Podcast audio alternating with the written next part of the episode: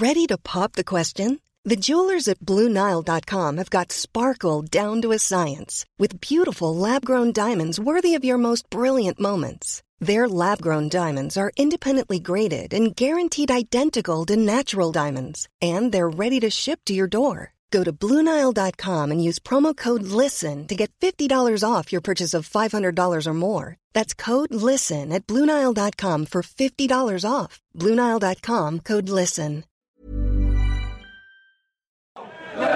Insane!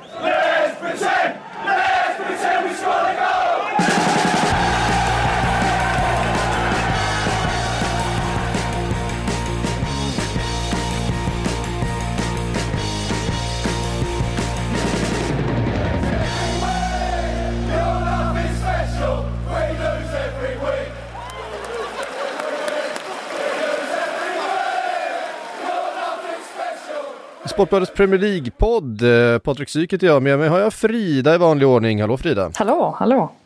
Ingen, ingen Makoto idag, han hade lovat bort sig till andra eh, saker så här under landslagsuppehållet. Men vi ska heller inte gå igenom några matcher direkt idag. Eh, det finns inte så mycket att säga om England mot, vilka var det, Andorra de mötte. Eh, Ja, det gick ganska smärtfritt kan man säga. ja, rätt väntat, rätt väntat. Eh, men däremot så ska vi ägna dagen åt eh, övertagandet av Newcastle United. Mike Ashley har alltså sålt klubben till slut efter 14 år till ett konsortium frontat utav Amanda Stavely som vi ska prata lite grann om, men eh, finansiellt backat då utav eh, den här saudiska investeringsfonden som vi också ska prata lite grann om idag.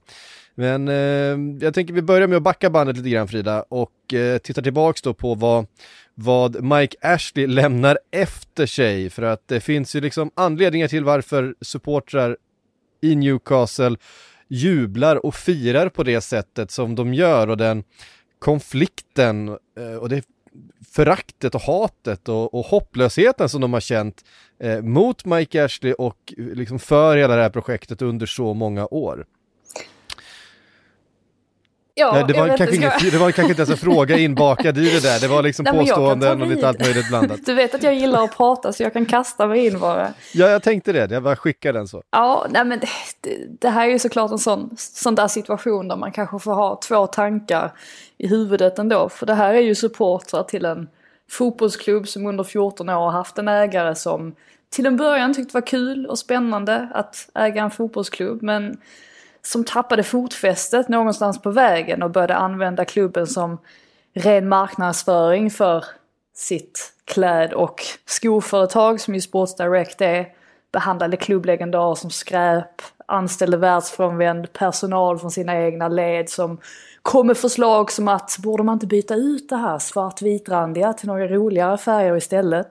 Och inklusive då en massa spruckna löften till tränare och spelare och som för några år sedan när han lovade dåvarande truppen att de skulle få åka till Las Vegas om de klarade sig kvar i ligan, vilket aldrig hände trots att de lyckades. Så att, ja, eh, jag, jag, jag inbillar mig inte att det, det handlar så mycket om att Mike Ashley inte har pumpat in miljarder av sina egna pengar utan det här handlar mer om hur han har behandlat Newcastle. Att han i princip har behandlat klubben som en dörrmatta egentligen och att han inte riktigt har brytt sig. Så att de firar, alltså supportrarna då, att de firar att han är borta, det förstår jag till 100%. Och så måste man komma ihåg också vad Tyneside, vad det är för ett ställe. Det är ju en del av UK som rent socialt och ekonomiskt har haft det väldigt tufft genom åren. Och övergivits är kanske ett starkt ordval, men jag tror att det är så många har känt och fortfarande känner i den delen av landet. Och det suddar ju förstås inte bort faktumet vilka PIF är och vilka de jobbar för, men det kan kanske ändå ge en större förståelse för varför så många sågs fira utanför St. James' Park i samband med övertagandet. Det är ju en kombination av att äntligen ha fått bort Mike Ashley och rent sportsligt få något att glädjas över också. Därför att Mike Ashley har ju varit en, en ägare egentligen utan sportsliga ambitioner.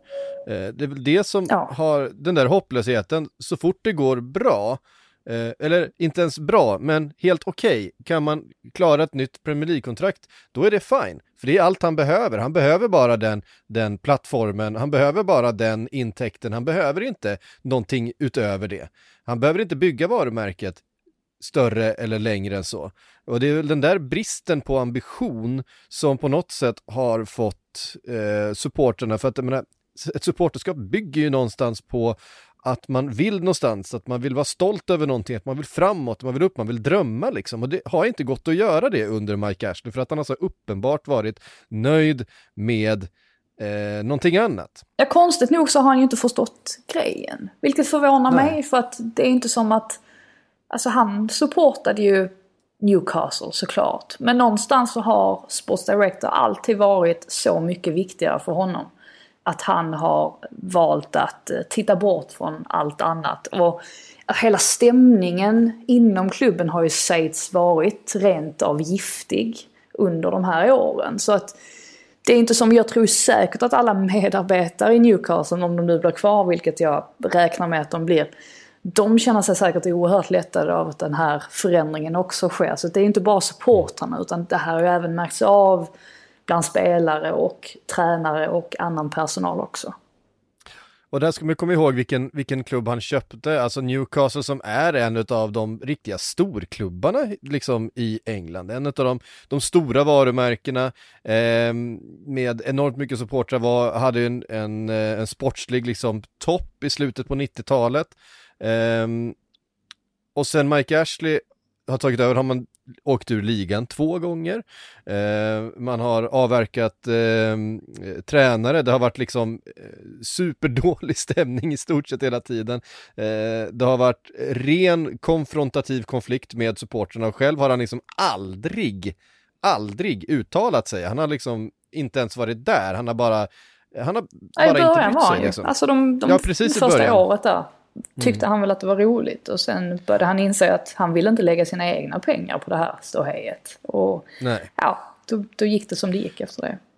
Nej, precis. Han ville heller inte riskera någonting. Alltså han, det, det fick liksom inte tas några risker.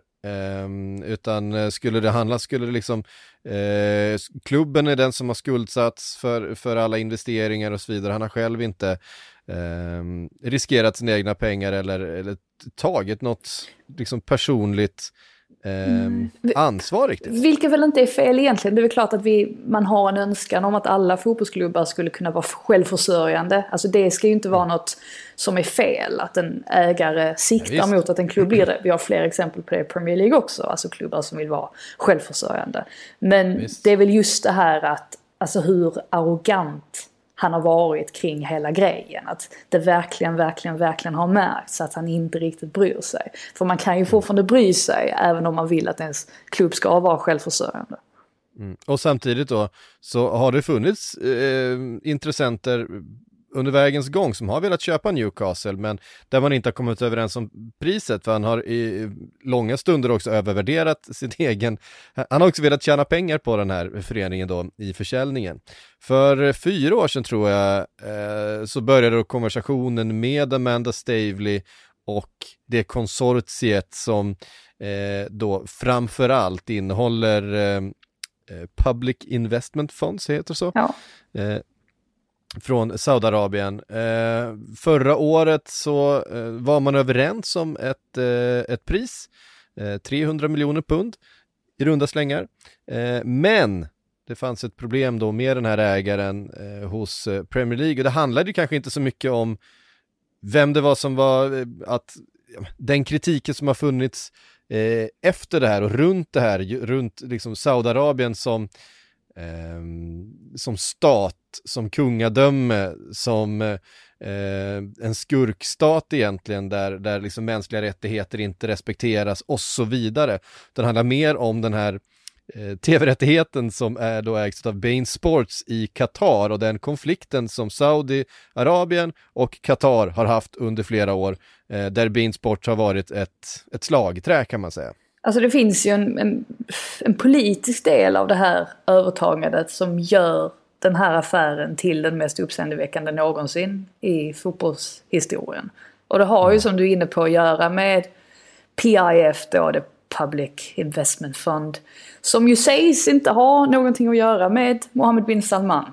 Eh, vilket är ju, eh, ja det är väl ingen som tror på det egentligen förutom Premier League då som har gått med på att, på att se igenom det där.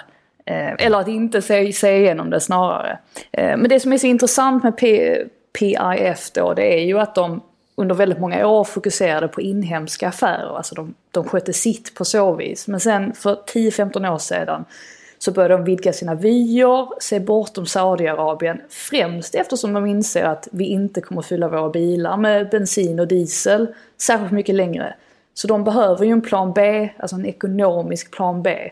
Och det man gjorde då var att börja köpa in sig i västerländska rörelser. Jag vet att de har köpt in sig i Uber, i Live Nations, den typen av verksamheter. Och mm. den som ligger bakom detta då, det är ju kronprins bin Salman. Även om man då hävdar att det inte har någonting med kungadömet Saudiarabien att göra så ja, det, det, det, får man väl tro vad man vill om. Och hur som helst så, hans nya investeringsområden togs ju faktiskt emot med öppen famn av väst. Och en anledning till det är väl delvis att man har sett det som att nu kanske Saudiarabien kan närma sig vårt sätt att leva på. Alltså ta efter våra värderingar och så vidare. Och sen så pengamotivet på det givetvis, som alltid. Men sen har det ju inte gått spikrakt heller för Saudiarabien. Dels var de inblandade i det här fruktansvärda inbördeskriget i Jemen. Och dessutom då mm. så hamnade man i en dispyt med Qatar. Som ju är väldigt signifikativt för just Newcastle-affären. För att Saudiarabiens mål var ju i stort sett att såra Qatar på så många olika sätt som möjligt. Och ett av de sätten var att ge sig på Bain Sports, som ju är en av Premier Leagues viktigaste partners och överlag ett av de största sändande bolagen i världen. Alltså särskilt i, de har ju hela norra Afrika och Mellanöstern, förutom Saudiarabien då. Så Saudiarabien knyckte ju helt enkelt deras feed för sådär kan det ha varit 3-4 år sedan. Och Premier League har ju vetat om detta och tryckt på för att Saudiarabien ska sluta upp med det. Men precis som i så många andra politiska frågor så har ju Saudiarabien totalignorerat liksom de totalignorerar vad är det, NFL och ja, och så vidare. Mm. Men detta var ju förstås innan det fanns något för dem att hämta i allt det här som är större än konflikten med Qatar. Och 24 timmar innan övertagandet av Newcastle så gick igenom så fick ju Bain Sports dels veta att de inte längre är bannade i Saudiarabien, vilket ju är en gigantisk marknad för dem förstås, som de inte har kunnat röra fram tills nu. Samt att Saudiarabien kommer arbeta aktivt för att lösa andra konflikter med övriga katariska verksamheter. Jag vet att de är, har någon dispyt med Qatar Airways exempelvis. Och då se till att motverka piratsändningar på det, på det hela. Och alltså när man bara sätter detta i parentes att jag tycker det är helt enormt att idrotten fotboll, alltså Newcastle United har spelat en sån oerhört betydelsefull roll i medlingen mellan två oerhört, oerhört mäktiga kungariken slash emirat, vad de nu än är. Det blir liksom en ögonöppnare att det är här vi, det är här vi har hamnat. Alltså fotbollen som visserligen är en stor sport men ja, att det helt plötsligt handlar om att fotbollen ska ta plats på en sån här oerhört stor politisk scen. Ja, jag, jag, jag tycker det är häpnadsväckande alltså. Bara, bara den kontexten är sanslös. Ja, det är den. Uh, och um, uh, ja, det här kommer ju såklart gå ut över alla er fulstreamare där ute, det ska ni vara, det ska ni vara klara över. Uh. Vi får väl se. Det är väl ofta som en holländsk feed i och för sig. som, ja, det kan det, det, det, det, finns, all, det finns alltid sätt. Life finds a way som de sa i Jurassic Park. Um, Eh, men, men det har ju varit en enorm affär såklart den här eh, Bein Sports och hela den här eh, piratstream. För det, det som Saudiarabien också gjorde, förutom att bara stoppa Bein Sports över ehm, eh, sitt eget territorium, var att de satte upp den här jättesatelliten som de sände ut Bein Sports eh, sänd, sändning. liksom, det är verkligen eh, såhär no fucks given från Saudiarabien. Ja, på pin kiv bara helt enkelt. Ja. Oh. så, så jobbar de. Uh, och det är klart att uh, det finns någon slags, alltså PIF uh, eh, är en, en investeringsfond, precis som det finns massa olika investeringsfonder. Um, men den är i, i grund och botten, alla är rätt överens om att det här är um, bin Salmans egen plånbok som man använder för att eh, på olika sätt då eh, ja, men investera i, i sin version av Saudiarabien och den framtiden som han ser.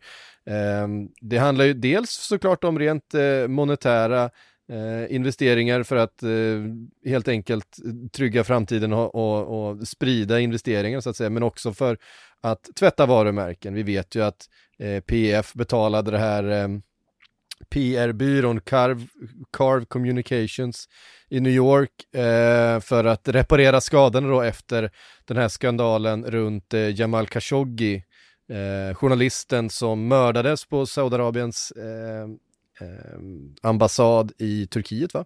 Mm. Eh, det här har varit en, en, ett stort PR problem för hela Saudi, eh, även i relationen med USA som ju är superviktig för dem. USA och Saudiarabien har jättetäta relationer med varandra. Ja, och, så, och jag vill ju tro att de här 97 procenten som enligt en undersökning, om det var förra sommaren den gjordes, var för ett Saudis övertagande av Newcastle. Jag vill ju tro att de supportrarna exempelvis inte vet vem Khashoggi är eller är medveten om de icke-existerande rättigheter som exempelvis kvinnor har och så vidare och så vidare. Det finns ju oändligt med exempel. Men de personerna pekar ju antagligen på att ja, men på Man City exempelvis så tycker inte att det är så mycket värre där eller alla klubbar i Premier League som sponsras av diverse tvivelaktiga företag och, och verksamheter, ibland rent av länder. Eh, eller att Storbritannien gör, gladeligen gör en massa affärer med Saudiarabien också och väljer att titta bort när det sker något tvivelaktigt. Så att, men samtidigt så, alltså, PIF har ju inte köpt Newcastle med bakgrund av en kärlek varken till fotbollen eller Tyneside. De är ju egentligen inte intresserade av att hjälpa det samhället, alltså i stort. Alltså än en gång så används ju en fotbollsklubb för att tvätta nationens rykte och det kan ju inte finnas något vackert eller positivt i det. Men samtidigt så, ja, hyckleri eller ej. Alltså det, det är så jag ser det i alla fall. Att man kan inte, jag kan inte sitta och vara glad över att det här händer. Trots att vi har sett det hända förr. Mm. Nej, och det här är också en, en viktig aspekt tycker jag i det här. För att jag menar, Ehm, det är ju en gräns som har flyttats många gånger. Det är klart att eh, det, det, är oerhört problematiskt att, att kungadömet Saudiarabien får ett direkt inflytande över en eh, fotbollsklubb. Men vi har sett Eh, vi har eh, ägare från Abu Dhabi med starka kopplingar direkt upp i den regimen som äger Manchester City och hela City Group. Vi har kinesiska ägare som inte alls eh, på något sätt kan, kan sväras på något sätt fria från den kinesiska staten. Vi vet att alla kinesiska mm. företag på ett eller annat sätt. Och, och vi har, vi har eh. Liverpool exempelvis som sponsras av en bank som anklagas för att tvätta drogkartellers pengar. Alltså det finns ju ja, oändligt absolut. med exempel och det är kanske inte det exempel man tar upp först men de finns ju också. Så att, ja, det fin ja. finns många exempel och det är ingenting att vara stolt eller glad över, verkligen inte. Nej, och det, det, här är ju liksom, ehm, eh, ja, men det, det, har flyttat, gränserna har flyttats väldigt många gånger från det att, liksom att Rupert Murdoch eh, egentligen grundade eh, Premier League, eh, det var inte han kanske eh, bara som gjorde, men, men han var ju väldigt eh, instrumentell i det. Ehm, han ägde då på den tiden också Manchester United och därifrån där eh, rika eh, miljardärer, senare också oligarker och så vidare har på olika sätt kunnat se ett ägande eller använda ett ägande av en eh, fotbollsklubb för att låsa upp olika marknader, att, att hitta nya affärsmöjligheter, att eh, tvätta sina varumärken, att tvätta sina pengar och så vidare. Allt det här har ju gjorts i fotbollens namn under de här senaste 30 åren. Eh, och det finns, näst, det finns liksom ingen klubb som är fri från, från ehm, ehm, ja, skuld ju, ska man säga, för det är inte klubbarnas fel. Men de är inte fria från att, att, att ha varit drabbade av det här, på samma sätt som Newcastle är drabbade av det nu. Så är alla andra klubbar det också i olika utsträckning och alla har varit del i, i de här flyttandet utav eh, gränserna hela tiden. Men det är ju det som är så intressant, för nu kanske jag lite sidetrack, men eh, ursäkta för det. Men ta en sån klubb som Norwich Exempelvis. Jag vet att Jamie mm. O'Hara hamnade i blåsväder förra veckan var det väl. Han tvingades stänga av sitt Twitterkonto för att han hade sagt någonting om att Norwich inte förtjänade att spela i Premier League för att de var för dåliga och att man borde krympa ligan eller minska ligan med ja, minus två lag eller någonting sånt. Och det, det tog ju hus i helsike om man säger så. Och delvis är det ju för att varför ska Norwich straffas för att de faktiskt är en klubb? De är den fattigaste klubben i Premier League och alltså i konkurrens med många Championship-klubbar så är de också en ganska fattig klubb. Men varför ska de straffas för att de försöker, försöker eh, ja, styra sin klubb på det sättet? Alltså det, det, det är ju det som blir så det blir så konstigt också när det väl finns bra exempel eh, på klubbar som är självförsörjande och som säljer spelare och får in pengar via den vägen. Och går upp i Premier League men så åker de kanske ur samma säsong men så går de upp igen något år senare. Ehm, det visar ju också hur, hur vissa tänker kring fotbollen. Och jag tror nog att det är rätt så många som håller med mig eller är på, jag tror att du också är på den sidan att det är, inte den, är det verkligen den fotbollen vi vill ha? Alltså en fotboll som ska vara sådär superkommersiell och det ska bara handla om att man ska ha jättemycket pengar och kunna spendera jättemycket pengar på en massa spelare. Det, ja, men fotbollen förlorar ju lite av sin själ då. Och det är väl det man mm. känner i det här fallet också med, med Newcastle.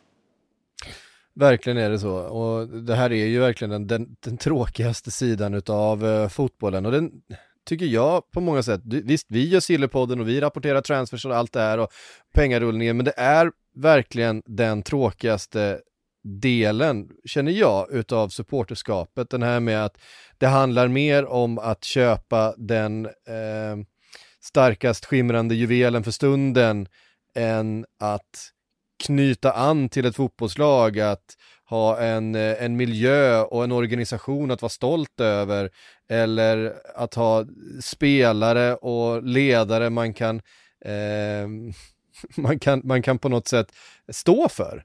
Eh, att stå för någonting, att fotbollsklubbar som står för någonting, eh, läktare som står för någonting, alltså liksom eh, alla de där sakerna. Och att pengar på något sätt är det självändamålet just nu. Därför att för så är det ju, pengar är ju det som allra närmast kan knytas till sportslig framgång. Eh, de klubbarna med högst lönekuvert är också de klubbarna som, eller störst lönekuvert är också de som eh, vinner flest titlar. Det är ju tyvärr så det fungerar idag. Ja, och återigen så man känner sig som en hycklare ju varje gång man tar upp det för att man går gladeligen på Etihad och tittar på fotboll där och man åker till Paris och ser PSG spela och, och skriver om dem. Men samtidigt så vad ska man göra? Alltså ska vi, ja det är väl klart att man kan bestämma sig för att nej, men nu ska jag inte kolla på någon annan fotboll mer än, än ja men Nations League, Nations League fotboll, National League fotboll. Men sen samtidigt så kommer man in på ett annat spår här också. Alltså vem tillhör fotbollsklubbarna egentligen? Alltså om du har varit Newcastle-supporter hela ditt liv och det här händer. Har du ett ansvar då att sluta hålla på dem? Är inte ditt supporterskap större än att de här nya ägarna kommer in? Det är ju också en sorts filosofisk, ett filosofiskt dilemma som man också kan mm. diskutera. Och som är ganska svårt Verkligen. kan jag tänka mig för många i detta nu som har hållit på Newcastle hela sina liv. Nej, och framförallt kan, kan man ju inte eh, avkräva en, en Newcastle-supporter ett ställningstagande i människorättsfrågor. Eh, det första man gör för att klubben de har hållit på sedan de var barn har köpts av eh, en saudiarabisk investeringsfond. Det, är liksom, det blir otroligt orättvist.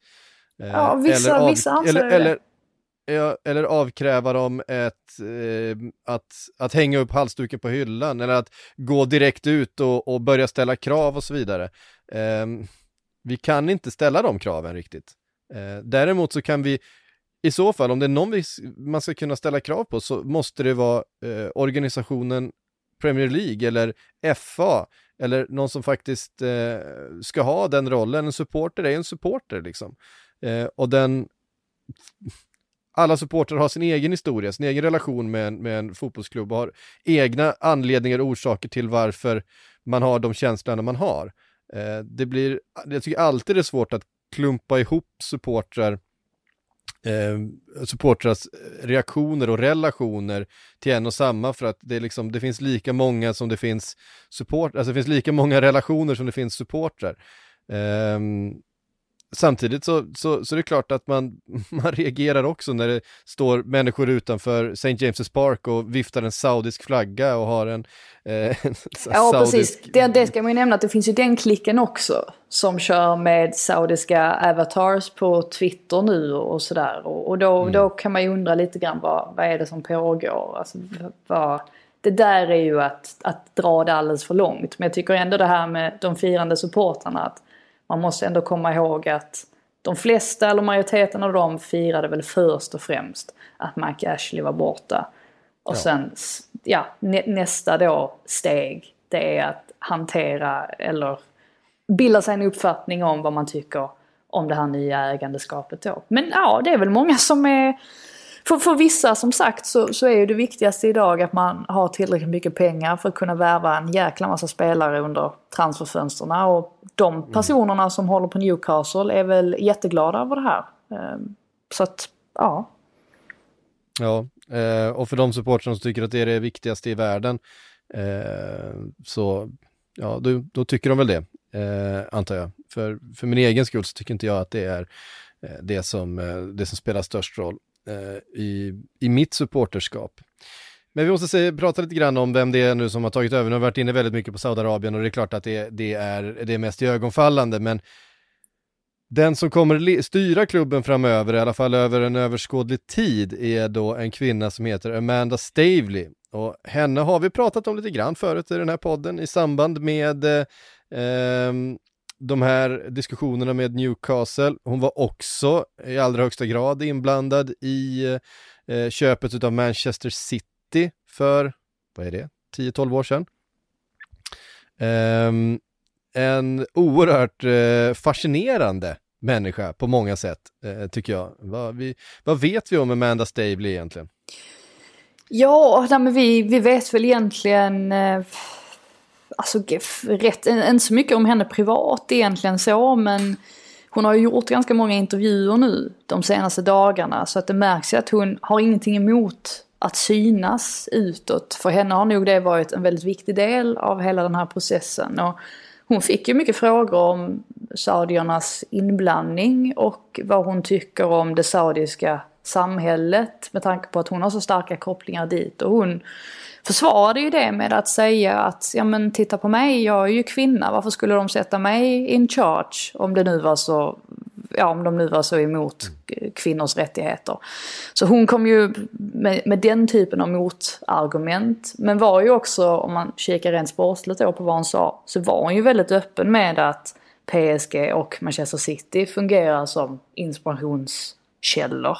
Eh, även om hon trycker mycket på att det inte är hon som kommer sitta och bestämma saker utan hon kommer se till att plocka in rätt folk och låta dem eh, ta de sportsliga besluten vilket jag tycker låter väldigt sunt och det är flera klubbar som borde förstå att, man, att det är så man, man måste göra eh, om man vill bli en framgångsrik fotbollsklubb. För att det handlar ju inte bara Eh, man kan inte gå ut i januari och, och säga att Nej, men nu plockar vi Kylian Mbappé till Newcastle. Det är inte så det fungerar och det är antagligen inte så Newcastle rent långsiktigt sett ska bli en, en toppklubb. Utan hon pratar väldigt mycket om att man, man måste försöka tänka sunt, att detta är en process som kommer få ta tid och allt det där vanliga. Um, först och främst vill de ju stanna kvar i, i Premier League och just nu ser det inte jätteljust ut även om jag tycker att alltså deras insatser har inte varit dåliga och de, det är vissa matcher de borde ha vunnit också och då hade de varit uppe på säker mark så de kommer säkert se till att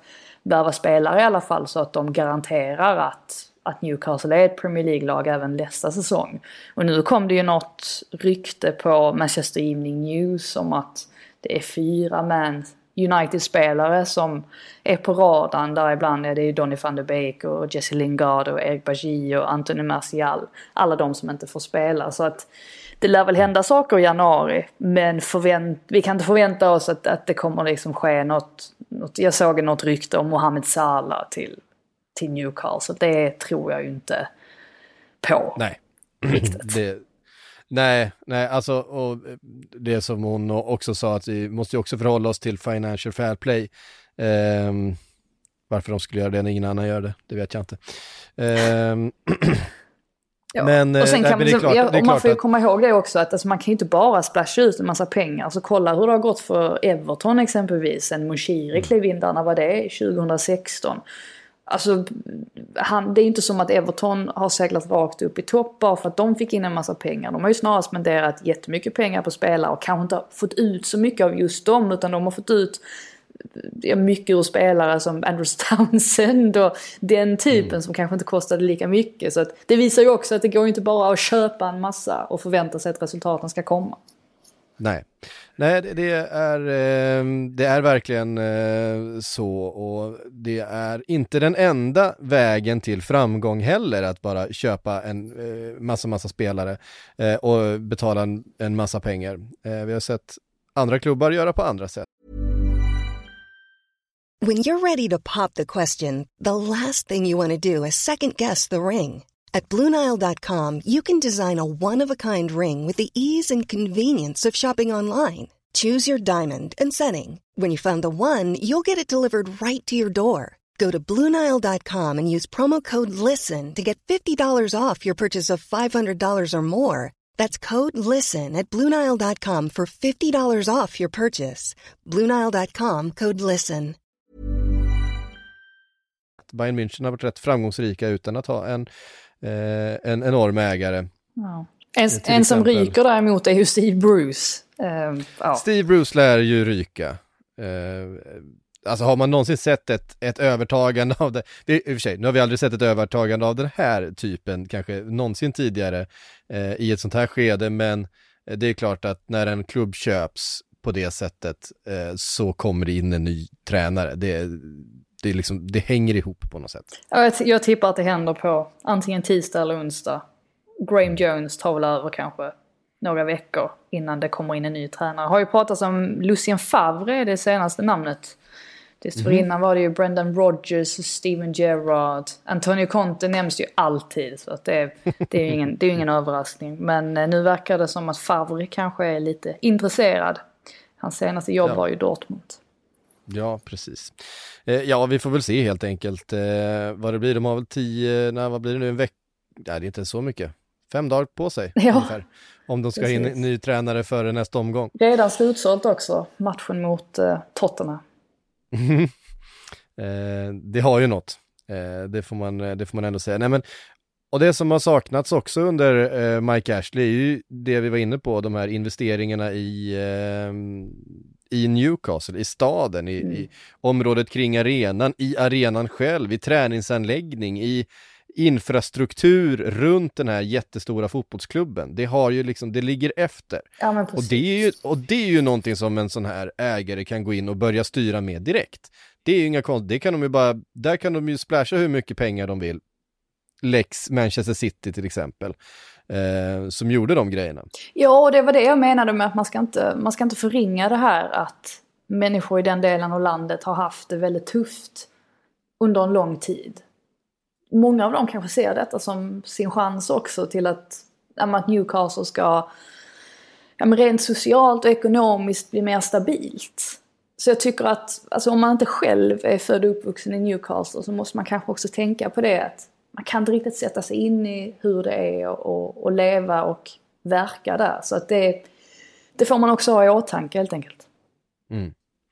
Eh, sen, eh, ja, jag bara, jag, jag också, så får vi se då, Amanda Stabley, vilken, vilken roll hon tar eh, framöver här. Hon är fascinerad på många sätt. Hon, hon eh, Eh, är ju född och uppvuxen i York, så hon är ju, kommer från norra England till att börja med. Hon är inte en, en eh, London, eh, en Londonkvinna i, i grund och botten. Hon eh, var ju tidigt, eh, jag menar, jag tror hennes första företag var någon restaurang hon ägde och sen så tillsammans med Jordaniens kung byggde hon en eh, konferensanläggning i England för att senare då eh, grunda det här företaget som då heter PCP som är ja, som är någon slags eh, Mäklare. kapital, kapitalbolag men som många menar då är helt enkelt ett, ett vehicle, ett fordon för eh, investerare i Mellanöstern att, att eh, ha som en mellanhand då att kunna investera i, i olika saker. De,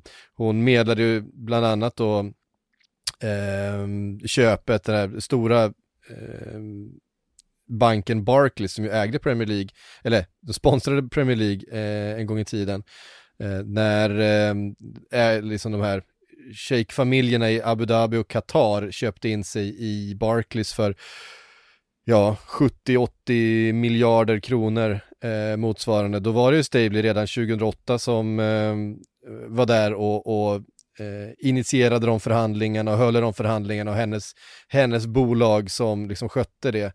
Ehm, så att hon har ju gjort affärer med både med Jordanien, med eh, Abu Dhabi, med Qatar, eh, bor själv i Dubai eh, och nu då eh, köpt Newcastle. Hon äger ju faktiskt själv en del genom då PCP, eh, några procent i, i Newcastle och den som är på något sätt ansiktet utåt för det här eh, konsortiet med, med Saudiarabien. Det är lite intressant att hon har både eh, med Qatar, Abu Dhabi och Saudiarabien eh, gjort affärer. Så hon har uppenbarligen bra hand med båda sidor av den där konflikten. Det är ju ingen, det är ingen dum blondin om man säger så. Nej, det kan man inte anklaga henne för. Hon eh, är nog en eh, otroligt slipad eh, förhandlare och eh, kommunikatör på många sätt. Eh, och hon har ju liksom byggt upp den här verksamheten eh, på egen hand. Hon kommer ju inte från någon vad jag vet i alla fall, vad jag har kunnat läsa mig till, inte från någon miljardärsmiljö i, i grund och botten. Hon, jag vet att hon jobbade extra som modell under studieåren för att tjäna extra pengar och så vidare.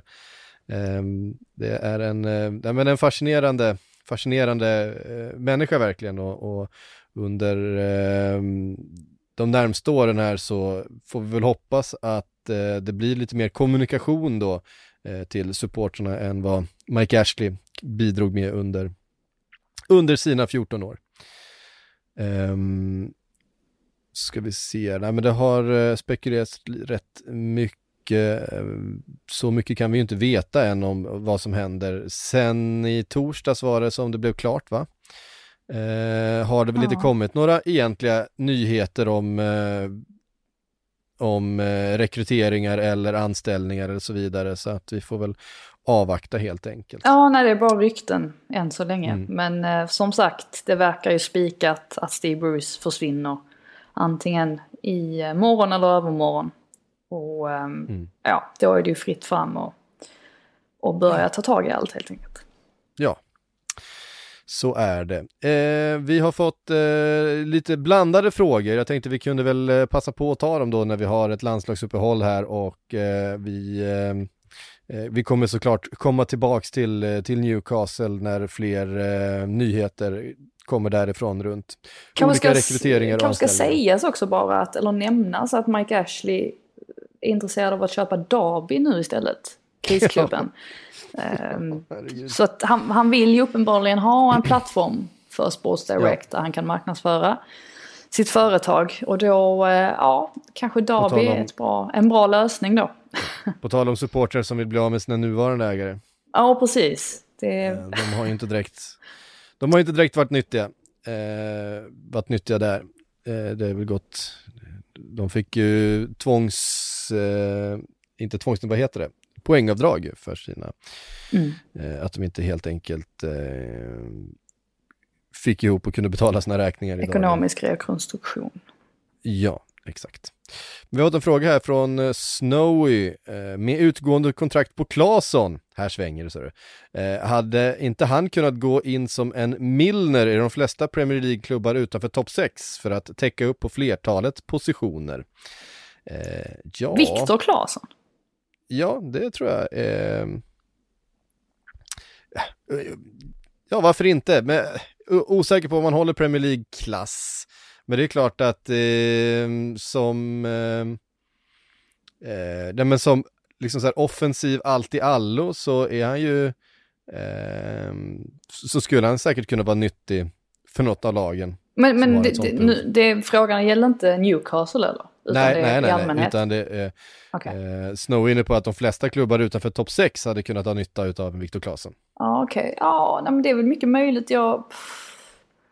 Ja, det är ju ingen fråga jag har tänkt på så jag eh, kan liksom inte på uppstuds säga något lag sådär. Men jag tyckte, det enda grejen med Claesson är väl att, tyckte att han var lite bättre innan sin skada. Att han tappade lite grann efter det. Jag var lite besviken efter EM i somras. För då trodde jag att han skulle vara en av dem som verkligen klev fram.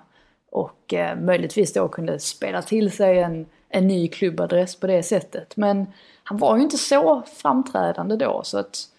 Eh, ja, lite svårt tycker jag. Man vill ju inte att det ska bli så heller att han går till en klubb och sen så får han bara sitta och nöta bänk som ju det faktiskt har, har hänt för en ganska stor del av vårt landslag. Alltså vi har ju Emil Kraft då som, han har vi inte ens nämnt men han lär väl försvinna i januari. Får ju inte spela nu och vi får väl se här om det kanske har med Steve Bruce att göra men jag tror väl inte att det har det. Så då lär han försvinna. Ehm, det finns flera exempel på spelare som kanske inte får sådär jättemycket speltid. Så att det, det är ju tufft det där när man ska, ska man gå till, till ett lag eller till en klubb så vill man ju gärna kunna garantera speltid. Men ja, vi får väl se vad som sker. Ja, det får vi göra. Vi har fått en fråga från eh, eh, Martin Selin. Han vill gärna höra oss prata lite grann om ståpl ståplatspublikens återkomst i Premier League. Vilka lag hoppar på direkt från start och hur tror ni att det kommer tas emot av supportrarna och samhället? Blir det mer stök kring fotbollen på ön igen? Eh, nej, det skulle jag inte tro. Det som eh, det handlar om är så kallad safe standing som har varit på prov under ett par säsonger redan nu. Nu vart det ju ett pandemiuppehåll även i, i de eh, försöken. Jag minns inte vilken klubb det är som har kört med det här, men det har pågått under några säsonger i alla fall. Nej, men det har väl inte, det är väl i så fall enstaka matcher. Men nu är det ju att man ska försöka igen. Alltså nu är det en riktiga mm. trial, alltså från och med i januari. Och då är det ju ett, ett visst antal arenor som ändå har haft framförhållning nog att se till att, att redan ha sådana här, vad heter det, railway seats. Rail, rail, uh, rail seating. Ja, där man liksom kan ta bort dem och sen så kan, kan folk mm. stå upp. Jag vet att det finns på Tottenham Stadium, de är en av de klubbarna som ingår i det här mm. försöket. Old Trafford har också det. Uh, jag tror Wolves också, senaste klubben som ska vara med i det här försöket. Uh, inte jo. Anfield va? De är väl inte? Jo, jo då. Är de det? Ja, okej. Okay. Liverpool också. Chelsea, Liverpool, Manchester City, Manchester United, Tottenham och Wolves är eh, de sex klubbarna som kommer eh, vara med i det här testet som man nu ska göra då, att göra det i, i Premier League. Det finns några Championship-klubbar också. Mm. Eh, och det, eh, det, här det har ju varit, det, det, det gick ju ut till supportrarna, eh, jag vet att det, Um, Spirit of Shankly, alltså Liverpools supporterunion, eh, med tanke på, eh, på hela Hillsborough och det som hände efter det här och att eh, ståplatsens eh, liksom borttagande var så, del, delvis som en konsekvens utav, utav eh, den läktarkatastrofen och där var ju Spirit of Shankly, det, har ju, det är ju ett, ett oerhört eh, Eh, svårt och jobbigt ämne för många där ju som, som förlorade anhöriga i den katastrofen. Men en övervägande eh, procent i den omröstningen där och då, det tror jag att det är fyra, fem år sedan, eh, var för eh, ett test och ett återinförande utav någon slags eh, ståplats eh, på, på The Cop. Och, så det har funnits ett tag där och de har varit redo för det här testet som nu ska komma igång igen. Guardiola är ju en av dem som har varit lite, han var lite skeptisk när han fick frågor om det. På sin presskonferens och pratade just om det där med, med säkerheten och sådär. Man ska komma ihåg det att många bortasupportrar särskilt står mm. ju upp matcherna igenom. Och då är det ju nästan är det säkrare att ha ordentliga ståplatser än att de står på den här lilla biten, alltså mellan sätet och, och ja, nästa rad. Alltså det är ju farligare i sig. Så på det här sättet så kan man kanske få göra det ännu säkrare för, för de supportrarna som då ändå står upp. Så att mm. på det sättet tror väl inte jag att det ska vara någon fara. De hade ju inte infört detta om de inte hade trott att det ska kunna gå att genomföra på ett, på ett säkert sätt. En annan sak som de har diskuterat också är ju att de ska ta bort alkoholförbudet. För det är ju lite speciellt här i England och vi diskuterade det här om dagen också för att min svåger sa det att han, eh, han, han föredrar rugby, alltså gå och titta på rugby och det är ju för att han, eh, för, ja, men delvis så för att man kan dricka öl på, på rugbymatcher oavsett vilken division det är. Däremot fotbollen, där är det ju bara alltså, de lägre divisionerna du kan dricka på. Alltså till skillnad då från Sverige där du inte får dricka i de lägre divisionerna. Men däremot så kan du köpa en öl om du går på en match i Allsvenskan. Så är det väl fortfarande, det är väl ingenting som har hänt på de senaste två åren. Eh, av vad jag vet. Så det, det där är också lite speciellt men då märker man ju att det här är på något sätt det, här, det, det är nog ingen slump att både safe standing och borttagandet av alkoholförbudet introduceras på ungefär samma, ungefär samma tidpunkt. Det känns som att England har väl insett att de kanske kan återgå till den typen av grejer utan att riskera då människors säkerhet. Ja, precis. Man ska komma ihåg att det här är ju inte ståplats i, det, i samma bemärkelse som, som vi har i Sverige till exempel. Det här är ju eh, sittplatser med ett räcke framför. Eh, så, ja. kan man, så kan man beskriva det. Eh, men eh, ja, en öl på matchen hade kanske... Ja, det, det är ju... Um, ja, men precis. Och det finns ju det här problemet, vad som, som min uh, en familjemedlem eh, lyfte också. Problemet är ju nu att när folk går på fotboll här då, då halsar de ju gärna två pints precis innan de går mm. in. Och det är ju nästan så att alkoholnivån blir Känn, värre känner, jag, känner jag inte igen överhuvudtaget. jag är inte så, eftersom att jag för det mesta går ju som press, jag kan inte göra det riktigt när jag ska mm. gå Nej, igenom. Förstår jag. Eh, så att det blir ju, de gångerna jag dricker öl det är ju när man går och ser Kingstonian spela och sådär. Och då är man ju glad att de spelar i, i, i National League för skulle de gå upp en nivå, ja men då får man ju inte dricka helt plötsligt. Så att då tas ju det bort. Så att, eh, nej, alltså det känns väl som att även om man inför alkoholförsäljning så tror dessutom att ölen kommer säkert vara så pass dyr att det är ingen engelsman som vill köpa sådär jättemånga. Eh, så att, ja. Det, men vi får väl se hur det blir med det. Det är än så länge bara diskussioner som har förts. Mm. Eh, så är det. Ska vi se ifall vi hade några. Eh, Dinesh Mendis skrev, vem tror ni tränar Manchester United 2022-2023? Oj, spännande. Ja, det, det är ju lite intressant här för Manchester United har ju en otroligt tuff eh, period framför sig mm. nu. Avgörande skulle jag säga. Ja, alltså de ska möta Eh, de ska möta Liverpool, de ska möta Manchester City, de ska möta At eh, Atalanta två gånger i Champions League. Eh, och just de är utslagna ur eh, ligacupen redan. Och Eh, det var ytterligare tuffa matcher. Eh, Leicester borta tror jag. Eh, kanske inte lika tuff match i år som, som tidigare år, men det är riktigt, riktigt tufft spelschema nu den närmsta, närmsta månaden för Manchester United och om det inte blir i alla fall ett par tre segrar under de här matcherna, då kommer det blåsa ännu snarare kring Ole Gunnar. Det, det går inte att komma ifrån.